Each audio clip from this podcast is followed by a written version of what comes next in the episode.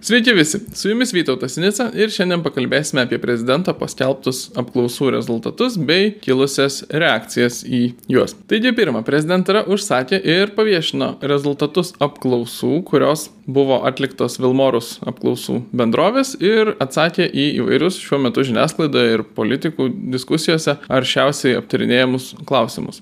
Tuos klausimus būtų galima suskirstyti iš esmės į dvi grupės. Tai yra klausimai apie šeimos politiką, apie partnerystę ir Stambulo konvenciją ir kita grupė klausimai apie rinkimų sistemas, apie tiesioginius merų rinkimus, Seimo rinkimus ir prezidento rinkimus. Ir visais klausimais, nepriklausomai nuo to, kurią grupę jie atspindėjo, visuomenė buvo labai ryškiai prieš valdančiųjų siūlymus. Negalima ignoruoti konteksto, kuriame atliktos apklausos. Prezidentas jau kurį laiką yra atviro politinio karo būsenoje su Seimo valdančiaisiais. Pastarieji, ypač konservatoriai, gana atvirai kalba apie tai, jog reikėtų apriboti, susiaurinti prezidento galės. Tų galių siaurinimo siūlymai buvo įvairūs, o pats ryškiausias kraštutinis buvo Seime nuskambėjęs siūlymas apskritai naikinti tiesioginius prezidento rinkimus ir vietoj to įvesti tvarką, kai prezidentas renkamas tiesiog Seime kaip yra kitose Baltijos šalise. Valdančiosius akivaizdžiai palaiko dauguma viešosios erdvės komentatorių. Ir prezidentui tokioje situacijoje buvo reikalinga kažkokia nauja atrama, leidžianti ginti ne tik konkrečias savo politinės pozicijas, bet ir savo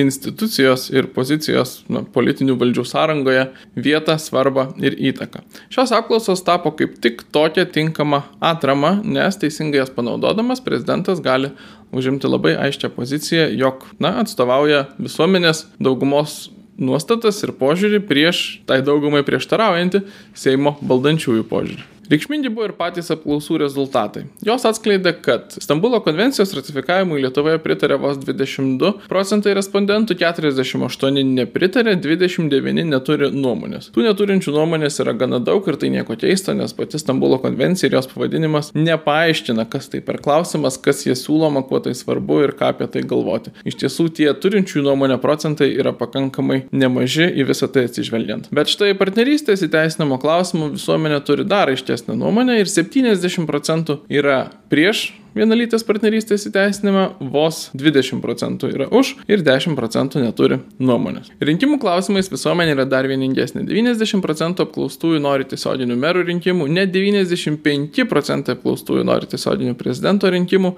ir net 64 procentai apklaustųjų norėtų, kad Seimo rinkimuose būtų renkami tik vienmandatėse renkami Seimo nariai, vos 2 procentai apklaustųjų norėtų valdančiųjų siūlomos reformos, kai Seimo nariai būtų renkami vien pagal partijų sąrašus. Nors tai, kadangi daug sudėtingesnis klausimas, nieko keisto, kad buvo daugiau nežinančių, neturinčių tvirtos nuomonės ir pačios nuomonės labiau pasiskirsti dėl to, kas turėtų atstovauti Lietuvą Europos vadovų taryboje, bet ir ten labai ryški maždaug dvigubą persvarą palaikančių, jog Europos vadovų taryboje Lietuvą turėtų atstovauti prezidentas, o ne premjerė.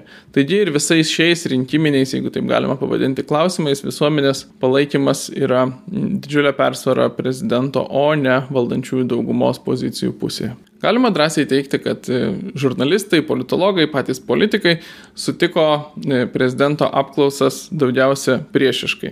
Ir galima išskirti kelias pagrindinės kritikos sužeto linijas, jeigu taip galima vadinti, kurios buvo pasitelktos tom apklausom kritikuoti. Pati galbūt įdomiausia ir keiščiausia iš jų yra teiginys, kad e, tokiamis apklausomis yra tik skaldoma visuomenė. Nesunku suprasti, kad yra kaip tik atvirkščiai. Visuomenėje objektyviai egzistuoja akivaizdus skilimas net įvairūs kilimai vertybiniais klausimais tarp na, konservatyvios visuomenės daugumos ir progresą norinčios nešti mažumos, kuri šiandien kaip tik yra atstovaujama politinėje valdžioje. Tos skirtis egzistuoja bet kuriuo atveju. Prezidento užsakytos apklausos jas tik įgarsino ir parodė. Ir čia kaip tik paaiškėjo tokios kritikos e, pagrindinė mintis. E, skilimai visuomenėje, vertybiniai lūžiai, nesutarimai tegu būna, bet jeigu jie būna nedirdimi ir nematomi, kad sprendimai būtų galimi priimti į juos neatsižvelgiant. Problema ne patys skilimai, o tai, kad prezidentas įtraukė juos į politinę darbo atvarkę, privertė apie juos kalbėti, juos parodė. Na, o tokia kritika tuo pačiu rodo ir požiūrį į apskritai visuomenę, apie tai, ką reikia daryti su valdantiesiems nepatogiais visuomenėje vyraujančiais požiūriais. Geriausia juos nutilėti ir apie juos nekalbėti. Kita kritikų grupė teigia, kad negalima klausti žmonių apie žmogaus teises, kaip formulavo Tomas Vytautas Raskevičius, arba dar tiesmukiau, dauguma klysta, kaip formulavo, pavyzdžiui, Paulius Gritėnas. Šioje kritikų grupėje buvo populiarūs lyginimai su jododžių teisų suteikimu JAV arba moterų balsavimo teisės suteikimu įvairiose Europos šalise. Esą teisingi ir vėliau protingai atrodantis e, sprendimai įmanomi priimti tik valdžiai rodant lyderystę, o visuomeniai, na, tuo metu nesikišant ir dar nesuprantant, kokie tie sprendimai yra teisingi ir protingi. Iš tiesų įdomu, kaip jaučiasi moteris ir konkrečiai Lietuvos moteris, kai jų balsavimo teisė yra lyginama su homoseksualų teise kurti šeimas. Bet iš tikrųjų būtent apie žmogaus teises, tai yra apie vertybinius moralinius klausimus, visuomenės klausti galima ir reikia, nes būtent tai yra klausimai, kuriais visi turi vienodai pagristą nuomonę, nepriklausomai nuo išsilavinimo, specifinių profesinių žinių ir kitų aplinkybių. Yra normalu, jog visuomenė negali priimti įpareigojančių sprendimų įvairiais techninių žinių reikalaujančiais klausimais, nesvarbu, kokioje srityje, dažniausiai tai būna tokios sritys kaip energetika, susisiekimas, aplinkos, ekonomika ir panašiai. Tačiau visuomenė tikrai gali ir turi teisę ir pareigą priimti sprendimus vertybinių vertybiniais, moraliniais klausimais, kur visų žinojimas yra lygus ir kur būtent ne kažkokios specifinės žinios, o vertybinės nuostatos yra tai, kuo turi remtis galutinis politinis sprendimas. Tokie argumentai, kaip ką tik aptartasis, atspindi gan seną vakarų kairiųjų argumentavimo liniją, jog žmogaus teisų klausimai yra kažkokia prasme anapus politikos ar bent jau anapus demokratinio sprendimų prieimimo. Esą būtent žmogaus teisų klausimai yra tokie, kurių negalima palikti spręsti visuomeniai e, ir negalima netgi vadovautis visuomenės nuomonė e, ir rinkiminiu atstovavimu juos sprendžiant. Dėl paprastos priežasties, esą tokie klausimai yra pernelyg jautrus ir jeigu jie bus sprendžiami tokiu demokratinio atstovavimo principu, mažumos ir visi, kieno teisės yra svarstomos, bus palikti, na, daugumos diktatūros valioje. Žmogaus teisų klausimus taigi esą reikia spręsti geriausiu atveju teismuose, o jeigu ir parlamente, tai kiek įmanoma ekspertiškai, technokratiškai, o ne remiantis tuos parlamentus rinkusių visuomenės nuomonių apklausomis ar apskritai bet kokiu tų nuomonių žinojimu. Visa tai yra tiesiog gudrus būdas apeiti akivaizdų faktą, jog visuomenės, ne tik Lietuvos, bet įvairios visuomenės nepritarė joms siūlomoms naujoms vertybinėms inovacijoms, kurios būna pavadinamos žmogaus teisėmis. Ir tokiu būdu galima tą nepritarimą ignoruoti. Vis naujos e, žmogaus teisės, o tiksliau nauji troškimai, kurie būna pavadinami žmogaus teisėmis, yra priimami teismų, o kartais ir parlamentų keliu ir visuomenės tiesiog pastatomos prieš faktą ir joms paliekama susitaikyti su tuo priimtų sprendimu kaip, na, kažkokią pažangą ir būtinybę. Ir vėlgi Tomas Vytautas Raskevičius labai atvirai ir tiesmukai tą ir įvardijo, duodamas interviu Delfi portalui, jis sakė, cituoju, nebuvo ne vienos valstybės, kuri priimdama įstatymus suteikiančius tos pačios lyties poroms teisinį pripažinimą, turėtų palaikymą. Visą laiką visuomenės palaikymas seka po įstatymo prieimimo. Šuo ir kariamas pripranta, galima pridėti. Trečioji kritikos grupė buvo orientuota į tai, kad blogai suformuluoti apklausų klausimai. Tokia kritika yra būdinga visada, visur ir visoms apklausoms, kurių rezultatai kažkam nepatinka, tada išsitraukiamas argumentas, kad buvo neteisingai paklausta. Galėtume tai vadinti metodologinę kritiką. Šiaip ta kritika yra nuobodi, nes dažna, tačiau Lietuvoje ji buvo pasitelta iš tiesų įspūdingai. Ir kai pasižiūrime į konkrečius pavyzdžius, kaip pavyzdžiui Birutė Sabatauskaitė ir Juratė Iškaitė kritikavo e, klausimų formuluotės, na, tai yra verta dėmesio. Jų teigimu, pavyzdžiui, klausti apie partnerystės buvo neteisinga, reikėjo klausti e, įvardint konkrečius pavyzdžius, kaip e, tas partnerystės statuso suteikimas palengvintų praktinį statusą turinčių porų gyvenimą. Pavyzdžiui, ar pritarėme galimybei be notaro įsikišimo paveldėti na, partnerio ar kažkaip kitaip santykių turinčio asmens turtą. Ką tokia kritika e, nutyli ir kodėl jinai yra akivaizdžiai manipuliatyvi, tai jog būtent alternatyvus ne partnerystės, o bendro gyvenimo instituto įstatymas e, siūlo išspręsti visus tokius praktinius klausimus, o partnerystė yra siūloma, o tas įstatymas liberalų atmetamas būtent todėl, kad partnerystė yra suteikti simbolinį šeimos statusą, o ne vien išspręsti tuos praktinius klausimus. Tačiau pagal e, Juratį Iškaitę, kaip tik klausant apie partnerystę, reikėtų e, pristatyti ją visuomeniai per tų praktinių klausimų sprendimą. Tokia tiesmuka manipulacija. Tas pats ir su Stambulo konvencija. Kadangi Stambulo konvencijos pavadinimas yra nieko daug nesakantis, jeigu žmonės negirdėjo diskusijų apie šį dokumentą, siūloma verčiau klausti per tai, ar pritariama kovai su smurtu prieš moteris artimoje aplinkoje. Tačiau tuo ignoruojama, kad juk visi, kas susidūrė su šiomis diskusijomis, žino, kad niekas nekritikuoja Stambulo konvencijos dėl jos siekio kovoti su smurtu prieš moteris.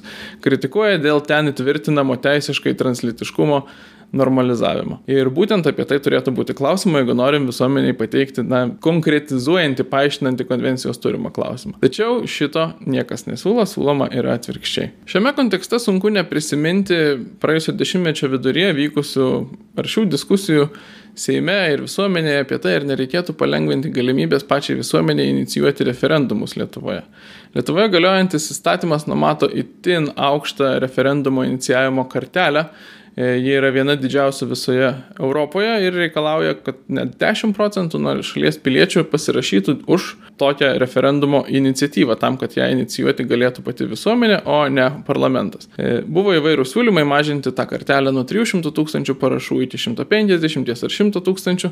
Tie siūlymai galiausiai buvo e, atmesti ir patys aršiausi tų siūlymų kritikai buvo būtent dabartiniai valdantieji ir ypač konservatoriai kurių motyvai buvo patys įvairiausi, tame tarpe ir pavojus, kad e, Rusija gali savo, per savo dezinformacijos priemonės manipuliuoti Lietuvos visuomenę, na ir kad pati visuomenė apskritai nėra pakankamai kompetitinga priminėti iš valstybės gyvenimą lemiančius klausimų sprendimus. Argumentai taikyti referendumų klausimų taikomi, iki šiol taikomi ir visais kitais tiesioginės demokratijos klausimais. Ar tai būtų kažkokios peticijos, kitos piliečių iniciatyvos, ar remimasis visuomenės nuomonė apklausomis, ar ir tas pats referendumas. Požiūris, kuris buvo būdingas ankstesniai konservatorių kartai, būdingas ir dabartiniams valdantiesiems. Visas aptartas reakcijas ir požiūrį į apklausas, referendumus ir kitus susijusius klausimus vienyje bendra elitistinė nuostata, jog visuomenė yra netinkama ir nekompetitinga spręsti savo valstybės viešųjų normų ir na, gyvenimo taisyklių. Paradoksaliai netinkama spręsti net vertybinių klausimų, kuriems nereikalingos jokios specifinės ar techninės žinios. Išimtis taikoma tik rinkimams, tačiau net ir Seimo rinkimuose bei apskritai kituose rinkimuose yra svarstamos galimybės ir